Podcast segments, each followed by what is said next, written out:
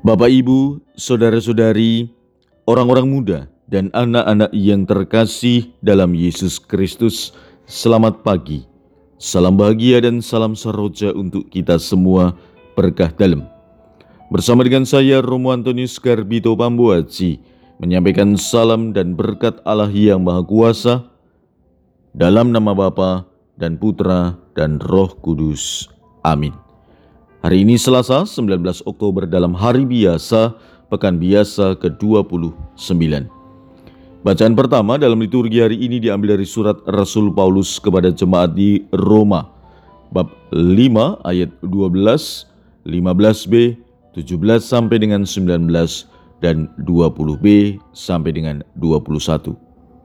Bacaan Injil diambil dari Injil Lukas bab 35 sampai dengan 38.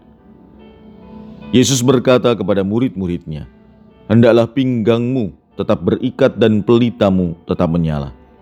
Hendaklah kalian seperti orang yang menanti-nantikan tuannya pulang dari pesta nikah, supaya jika tuannya datang dan mengetuk pintu, segera dapat dibukakan pintu.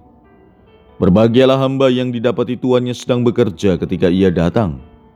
Aku berkata kepadamu, sesungguhnya ia akan mengikat pinggangnya dan mempersilahkan mereka duduk makan dan ia datang melayani mereka.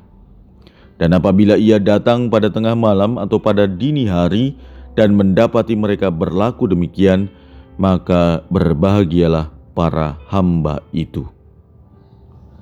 Demikianlah sabda Tuhan. Terpujilah Kristus. Sabda Tuhan hari ini menyampaikan pesan kepada kita dengan sangat jelas. Sikap untuk waspada dan berjaga-jaga. Namun, perlu kita sadari bahwa bukan hanya sebatas sesuatu yang kita lakukan untuk mengatasi terjadinya hal-hal yang tidak kita inginkan, tetapi Sabda Tuhan ini mengajak kita untuk mempunyai sikap waspada dan berjaga-jaga dalam rangka menantikan kehadiran Tuhan. Secara iman, kita mengakui bahwa Yesus telah bangkit dan naik ke surga, dan Ia akan datang kembali ke dunia. Itulah yang menjadi dasar kita untuk mempunyai sikap waspada dan berjaga-jaga. Maka, yang dimaksud dari dua sikap ini adalah bahwa kita sungguh tahu dan sadar melakukan yang dikehendaki Tuhan dalam hidup kita. Dengan demikian, kita juga menyadari apa yang menjadi tujuan hidup kita sesungguhnya yaitu bertemu dengan Tuhan dalam sukacita abadi. Karena itu, dalam menghayati sikap hidup berjaga-jaga dan waspada, sudah seharusnya kita melakukan tindakan yang nyata dalam hidup ini dan berkenan kepada Tuhan.